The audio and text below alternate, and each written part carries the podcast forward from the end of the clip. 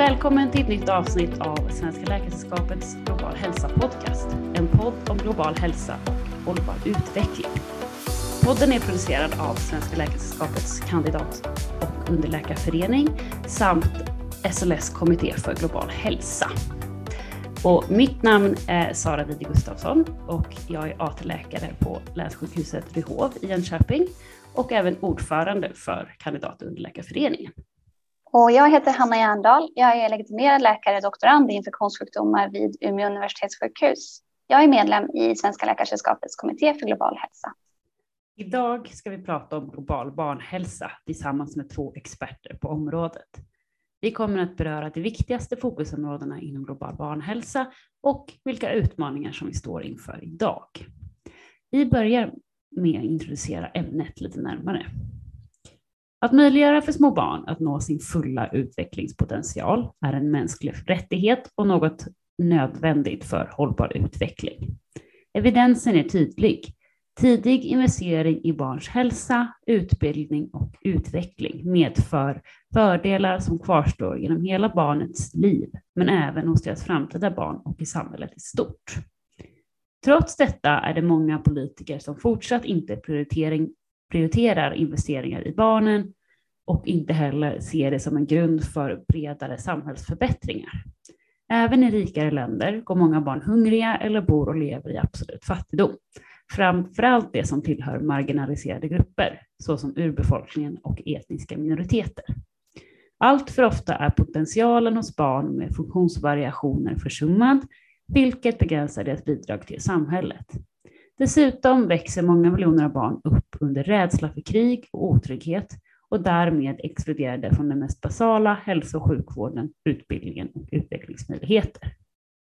Delar av den här texten är översatt från en artikel från tidskriften Lancet, A Future for the World's Children, från WHO Unicef Lancet Commission från februari 2020. Nu till dagens gäster. Vi välkomnar Sahar Nejad som är specialist i barn och ungdomsmedicin, folkhälsovetare och barnhälsovårdsöverläkare i Region Stockholm. Även initiativtagare till MSF Pediatric Days. Sar har jobbat med FN, Läkare utan gränser och Röda Korset i många olika länder i både Asien och Afrika. Vi har även med oss Helena Hildenvall, barnläkare på Karolinska sjukhuset i Huddinge. Du är docent i global hälsa och vetenskaplig sekreterare i föreningen Global barn och ungdomshälsa. Du är även medgrundare till den ideella organisationen Pediatric Health Initiative. Eh, och din forskning är framförallt inriktad på barnakutsjukvård i Afrika söder om Sahara. Och ni får gärna lägga till om det är något som ni känner att, att vi har missat här nu. Eh, det är jätteroligt att ha med er båda idag. Tack så mycket. Det är väldigt trevligt att vara här. Tack, håller med. Vi har gett en kort bakgrund till er, men skulle ni kunna presentera er själva lite närmare och berätta hur ni kom in på området global barnhälsa? Så här, om du skulle vilja börja. Ja, um, det beror ju på hur man definierar global barnhälsa, eh, men eh, eh, jag har alltid varit väldigt samhällsintresserad läkarstudent och senare läkare. Och och jag har själv föräldrar som kommer från annat land och är flyktingar. Och jag påverkades som barn väldigt mycket av Iran-Irak-kriget. Mina föräldrar är från Iran då. Och även om jag inte var där på plats så tittade vi i åtta år varje kväll på kriget på tv. Och eh, jag kommer ihåg en morgon när jag vaknade och alla mina smurfar var borta. Då hade de skickat till mina kusiner i Iran eh, för att de inte kunde få tag på leksaker just under kriget. Och, jag, alltså, jag har liksom vuxit upp med det här och sen kom, sen kom nästa Irakkrig och allt det här har liksom påverkat mig väldigt mycket. Sen eh, började jag läsa på läkarutbildningen och det var väldigt, eh, väldigt medicinskt förstås. Men sen läste jag globalhälsokursen och träffade Hans Rosling. Eh, och jag tror att det var något som, ja men jag bara kände att nu har jag hittat hem. och det, var, jag menar, han, det han jobbade med var ju, det, ja, mina intressen gick ihop där liksom, på något sätt. Och, eh, och sen så jobbade vi ihop, jag gjorde ett projekt senare med honom och vi, jag startade sen globalhälsokursen i Iran och eh, började jobba sen med Läkare utan gränser och det var något som jag bara alltid velat göra. Jag kan, jag kan inte säga när jag liksom kom på att jag ville göra det. Det vet jag faktiskt inte. Men eh, ja, så då gjorde jag det och sen eh, började jag göra SC inom barnmedicin och det har ju att göra med att jag bara tycker det är jätteroligt att jobba med, med barn och med barnläkarspecialister.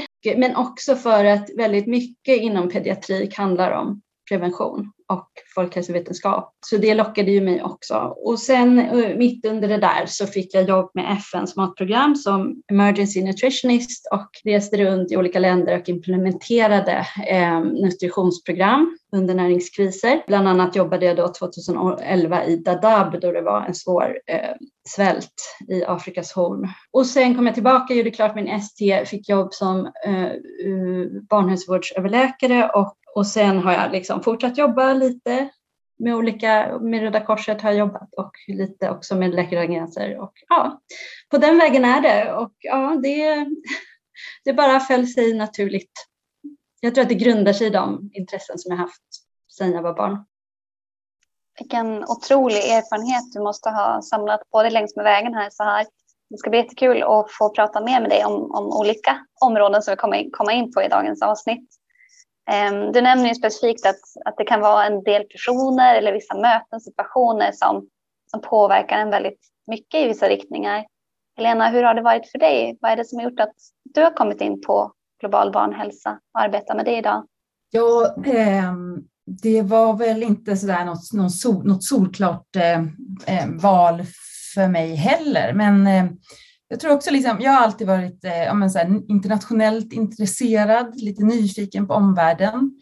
Eh, också ja, men kanske vurmat lite för så här, rättvisefrågor. Liksom. Och sen eh, så var jag, eh, jag var inte, det var inte alls som att jag skulle bli läkare överhuvudtaget, men jag eh, liksom jobbade, var, var med i lite olika projekt innan, innan jag började plugga. Jag, eh, jag var med i något så ungdomsutbyte efter gymnasiet och bodde i Thailand ett tag. Liksom, och, och skar ris med den där thailändska familjen och så jobbade jag lite volontärt i Guatemala. Och någon, liksom, någonstans på vägen så blev det väl ändå så här också att hälsa och hälsofrågor liksom kändes viktiga och relevanta och intressanta, inte minst. Um, och sen när jag liksom då till slut kanske bestämde mig för att jag skulle testa det där med läkarutbildningen, då valde jag ju KI ganska mycket för att det finns, eh, ja men för att det i alla fall då var liksom det universitetet så i, i ja men Sverige eller Skandinavien kanske till och med, som, som hade flest eh, möjligheter att åka utomlands och göra internationella grejer. Ehm, och sen när jag började på KI, då började jag väl också kontakta lite olika grupper som jobbade internationellt. Ehm, och så fick jag kontakt, eller fick jag till slut då möjligheten att liksom börja ett doktorandprojekt som handlade om lunginflammation hos barn i Uganda. Ehm, och det tyckte jag ju var super, superkul. Och, och sen höll jag på att vela liksom lite mellan så infektionsmedicin, alltså rent kliniskt, infektionsmedicin eller, eller barnmedicin.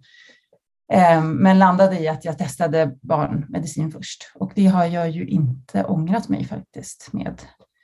Eh, så att jag, nu, är ju, nu är jag ju både kliniskt liksom barn, barnläkare och eh, min forskning är ju helt barnorienterad också.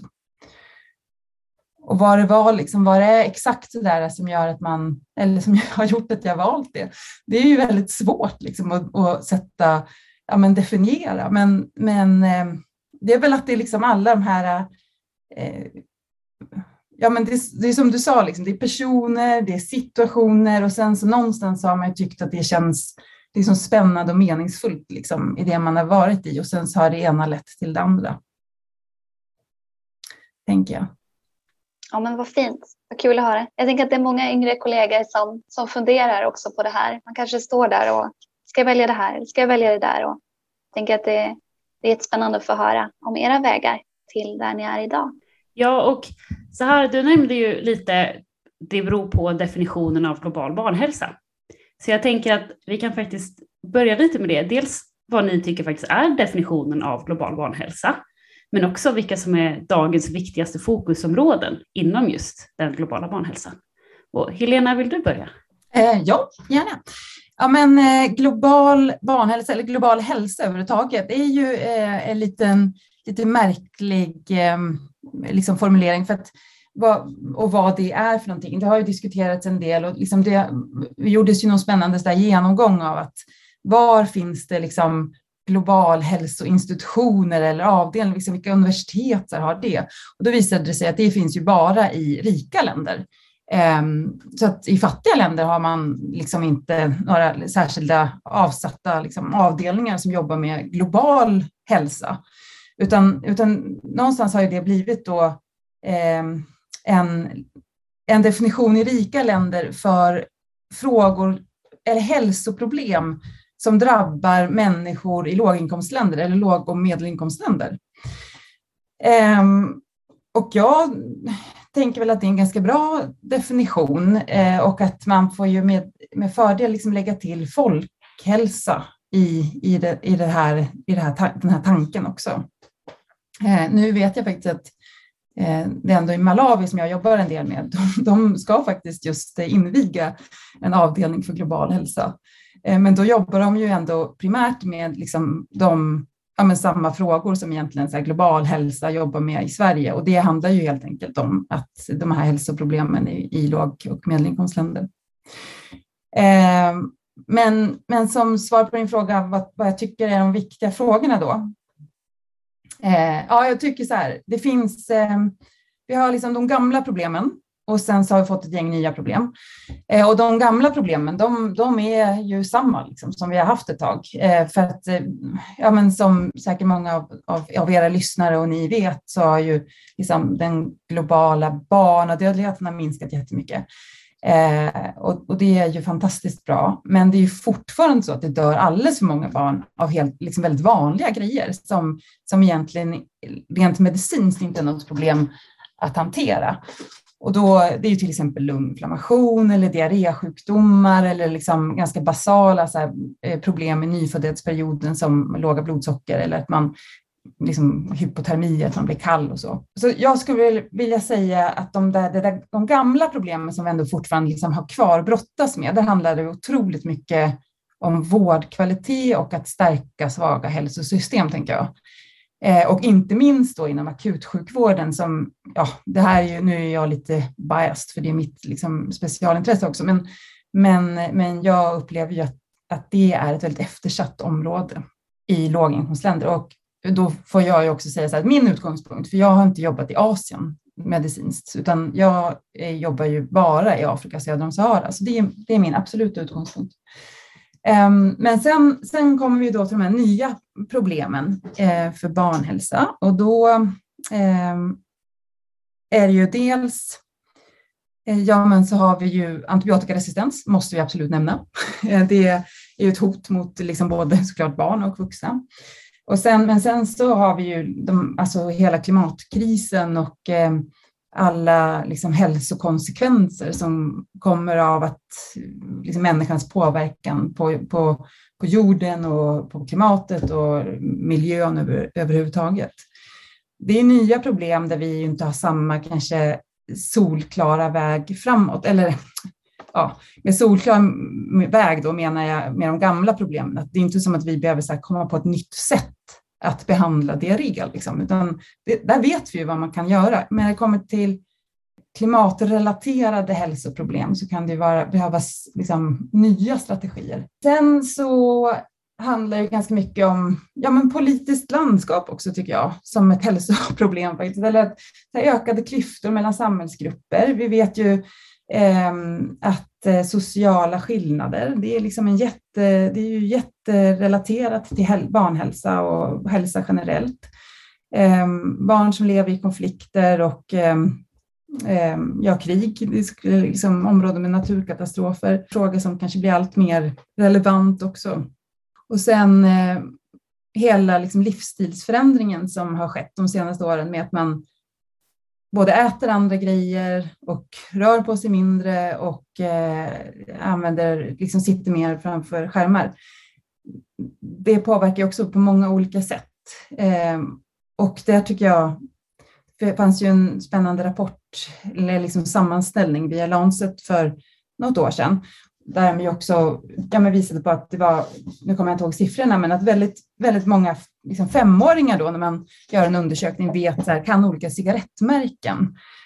Um, och det där visar också att man kan liksom rikta reklam liksom till barn på ett sätt som påverkar deras hälsa och som ju görs um, ganska okontrollerat. Så att, um, ja, men precis. Jag, jag skulle vilja säga att man måste hålla liksom flera tankar i huvudet samtidigt. Vi har, vi har, man måste fortsätta jobba med de där eh, liksom problemen som vi har haft länge Eh, och som vi har kommit en liten bit på väg med, men faktiskt inte alls hela vägen. Och det får man liksom inte glömma. För att, eh, utan att det är mycket, mycket kvar där. Liksom. Och, men sen så måste man ju också uppmärksamma de nya problemen. Och jag tror, om jag ska lägga till en sak, så, så, så är det ju också det här att, som ju också fått lite mer ökad uppmärksamhet de senaste åren, att eh, eh, ja, men att barn ska få uppnå sin fulla potential. Och det, det där är ju lite kanske mer Sahars eh, bord då, liksom att, med, ja, men, in, att inte bara handla om den rent så här, medicinska hälsan, utan att man också måste jobba med eh, ja, men att de ska få leka sig fram till sin utveckling, att de ska liksom få stimula, stimula, eh, bli stimulerade och så vidare. Eh, hela den liksom, utvecklingsbiten behöver man ju också fokusera lite på.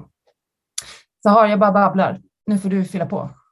Jag tänkte säga det. Är det något kvar nu att säga? Ja, eh, nej men alltså eh, ehm, för mig är global hälsa sådana hälsoproblem som vi behöver, där det krävs globala insatser, eh, där länder behöver jobba eh, tillsammans för att nå resultat. Och, eh, och det är klart att jag ser det mer ur ett folkhälsoperspektiv eh, och, och, global hälsa, om vi nu inte pratar specifikt om global barnhälsa, men global hälsa är ju multidisciplinärt och det är ett väldigt brett område som inrymmer hälsosystem och hälsopolicy, hälsoekonomi och medicin, liksom ren medicin. Ehm, och sen bygger det ju på principer av equity, ehm, alltså att, att ja, social rättvisa och ehm, ehm, och, och jag, jag känner mer och mer nu när jag har jobbat med barnhälsovård i Sverige att, att jag tycker att det som eh, våra BVC-sjuksköterskor gör också eh, är global hälsa, särskilt när att de upprätthåller vårt vaccinationsprogram. Ehm, och eh, och även tar emot flyktingar. Flyktingprocessen börjar i ett land och slutar i ett annat land och det är samma process man jobbar med oavsett om man jobbar i Sverige eller i, i Bangladesh.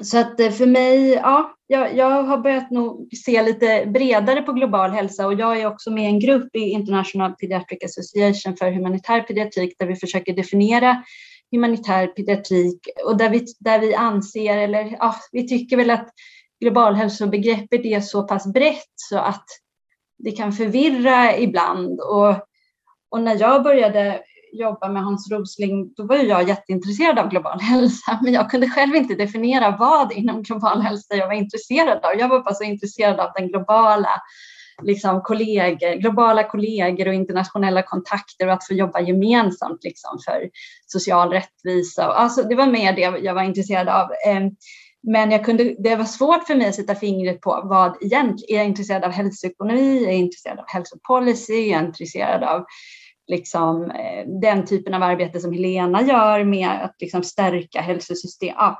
Ehm, så att ehm, eh, och, då, och, vi, och därför försöker vi nu definiera ehm, eh, humanitär pediatrik som en, som en liksom underdisciplin i, av global hälsa. För jag tror att, ah, ja, jag vet inte, när jag, när jag jobbar mycket i andra länder så känner jag att inhemsk Eh, personal är väldigt trötta på eh, det här ojämlika förhållandet mellan expatriate och local staff och eh, det här, och, och, lite den här problematiken som du tog upp Helena, att ja, men, vi, från vårt perspektiv kallar vi global hälsa att jobba med fattiga, men, men det, det, måste finnas en definition som går båda vägarna, liksom, som håller båda vägarna. Så att det, det, ja, det är inte helt enkelt tycker jag och jag tror att det här kommer förändras framöver och att vi behöver bättre specificera vad vi jobbar med, inte bara för vår egen skull men också för att eh, ni yngre läkare ska, ska bättre kunna förstå skillnaderna i de olika disciplinerna inom global hälsa och tidigare ska kunna identifiera vad ni verkligen är intresserade av. Eh, för att det är så otroligt brett det här begreppet global hälsa. Sen vad gäller vad som är eh, de största global eh, barnhälsoproblemen idag, där tycker jag att du Helena tog upp det. det mesta. Jag håller helt med om klimatförändringar, det är ju det största nu och antibiotikaresistens kommer näst därefter och sen krig och konflikter som vi skapar själva ehm, och som driver på eh, flyktingar och det gör ju också klimatförändringar. Eh, att man inte längre kan odla sin mark och nu har vi också haft en covid-19 pandemi som har försvårat eh, både försvagat hälsosystem och eh, ökat fattigdomen. Ehm, ja, nej men eh, annars tycker jag Helena nämnde all, det allra mesta.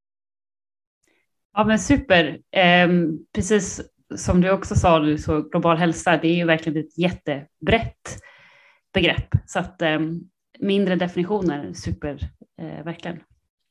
Och ni nämner ju här en del olika erfarenheter av att arbeta i olika länder, situationer där resurserna kan vara begränsade. Eh, och vi skulle vilja veta lite vad ni tänker om eh, den påverkan det gör eh, på barnens hälsa och hur det berör er som läkare. Eh, Helena, skulle du vilja säga något om det till att börja med?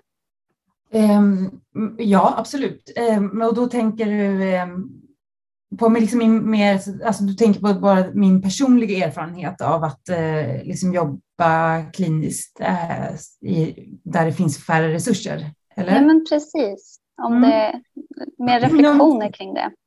Ja, nej men jag, jag skulle väl, jag har ju då jobbat kliniskt framförallt i Malawi och, eh, och sen har jag forskat i flera olika länder. Liksom. Och eh, jag menar, det är såklart att eh, det är ju det blir ju en helt annan arbetsmiljö när man har väldigt begränsade resurser. Jag, eh, eh, det, har, det, är ju superjobbigt helt enkelt. Alltså jag menar, det är, det är ju jättejobbigt att veta att hade man bara varit någon annanstans så hade man kunnat göra si och så och då hade det gått bra. Liksom. Eh, men sen så är det ju ändå då liksom lite lyxigt att vara en svensk doktor som gör ett litet tillfälligt eh, nedslag i en låginkomstkontext och så kan man jobba där lite grann och jag tycker liksom jag har lärt mig supermycket, ja, verkligen mycket liksom. och för att det är just det andra flöden, det är, det är ju till viss del andra diagnoser. Man, jag tycker att man eh, får förutsättningar att utveckla sin kliniska blick väldigt bra. Så där. Eh, men just den här frustrationen då som kommer med att jobba i en liksom begränsade resurser. Eh, där, där, är det ju ändå så här, jag, jag, får ju, jag gör ju det en begränsad tid. Liksom. Och, och det eh, har jag funderat mycket på hur det är att vara, att alltid jobba i det. Liksom. Och, för att jag, och jag, tyck, jag är liksom sjukt imponerad. Det är inte som att så här, våra kollegor i Malawi eller Uganda eller något annat liksom låginkomstland inte vet att man skulle kunna göra på ett annat sätt om, om det bara fanns lite mer resurser. Utan det är ju de, det är, de vet ju jätteväl. Liksom. Och jag har, eh, ja men det var särskilt en ja, barnonkolog, eh, han var kanske inte formellt onkolog, men han liksom jobbade ändå med onkolo, barnonkologiska sjukdomar i Malawi. Och när man gick runt med honom så kunde han liksom han, han kunde ju ställa frågan så här, på varenda ung, okej, okay, vad hade ni gjort? Vad hade, du gjort, vad hade ni gjort i Sverige? Så här, han, och visste inte jag så visste han. Han, han visste liksom, han kunde hur mycket som helst. Eh, och han hade ju säkert jobbat 30-35 år då i Malawi och det hade ju blivit bättre. Men det var ju ändå som att liksom var och varannan unge så var det ju eh, en liksom ren resursbrist eh, som gjorde att vi inte kunde komma vidare. Liksom. Och hur man orkar detta när dessutom man har mycket färre kollegor eh, och ja, men det, det, det, jag, jag, jag tycker det är fantastiskt. Alltså det är ju det är de här människorna man skulle vilja bara liksom, ja, men ge, dem, ge dem massa resurser, framförallt är det man vill ge dem. Um, men och där tänker jag också att um, ja, vad liksom för, jag menar för barnen, så där, jag, jag tror inte att alltid att eh, det är så uppenbart för de som söker sjukvård. Alltså det är inte säkert att bland de socioekonomiskt lägre skikten i ett låginkomstland har så himla bra koll på vad vi har för sjukvård i Sverige. Det vet man ju inte. Liksom. Så, att, så att där kan det ju kanske upplevas som att det är en väldigt fin sjukvård som ges på det största sjukhuset i det landet. Men jag menar, det är såklart att det påverkar. Det påverkar hur mycket som helst att man inte kan göra samma grejer där som här. Liksom. Jag tänker bara där du lyfter liksom väldigt viktiga aspekter, just det här med vad, vad har vi för resurser tillgängliga och för möjligheter eh, och att eh, det på många ställen kan finnas en väldigt hög kunskap och eh, utbildningsnivå men inte resurser till det. Och ibland kan det vara andra aspekter, eh, att det kan vara tvärtom, att det kan vara brist på på utbildningsnivåer. Och, men att, det, att det är komplext helt enkelt. Ehm, jag tänkte se om vi kan bjuda in Sahar också i, att lägga till här. Det, är så mycket som ni eh, har att, att dela med er av, men eh, det vore kul att få, få höra lite vad, vad du tänker här Sahar. Ja, men vad var grundfrågan? Jag tappade bort den, förlåt. Vad var grundfrågan? Det är absolut ingen fara. Eh, vi undrar lite just det här med att arbeta i eh, förutsättningar när det är eh, bristande resurser. Och just med tanke på barnhälsa, att det kanske påverkar oss extra mycket. Ehm, och det kan vara kliniskt eller i forskning eller eh, projekt där ni har arbetat. Och lite vad ni tänker kring det. Men barns hälsa är ju, de är de mest sårbara i de här eh, fattiga situationerna. Ehm, och det är ju för att barn växer eh, oerhört eh, mycket och utvecklas oerhört mycket de första åren. Och eh, har man inte då eh, tillgång till de resurser som krävs för en optimal utveckling så är det svårt att ta igen det senare i livet. Och det kommer ju påverka hela livet. Och att se det som läkare, eh, det Alltså till en början när man åker ut och jobbar med Läkare utan gränser, det var ju liksom en dröm för mig och att få göra det. Och eh, det, på många sätt i början är man liksom, eh, ja, det, det har uppskattats väldigt, jag har uppskattat det väldigt mycket, det har betytt väldigt mycket för mig som person och eh, för mitt liv. Men man, jag har över åren blivit mer och mer frustrerad över liksom, de situationerna som gör att man hamnar i att barn inte har tillgång till sjukvård eller till antibiotika eller till vaccin som är så oerhört liksom, en sån oerhört effektiv hälsopreventiv insats. Och, eh, eh och, och, och jag, så att med åren så jag, har jag blivit mycket mer intresserad av de system som gör att eh, världen är så orättvis och att en del av världen eh, lever i fattigdom trots att de sitter på världens största naturresurser. Eh, Medan ehm, eh, andra delar av världen ehm, är väldigt rika. Och, eh, och sen den så, ja, de senaste årens, ja det vi har sett kring vaccinnationalism till exempel eh, och eh, med, i och med covid-19 pandemin eh, och hur det fortfarande kan få pågå.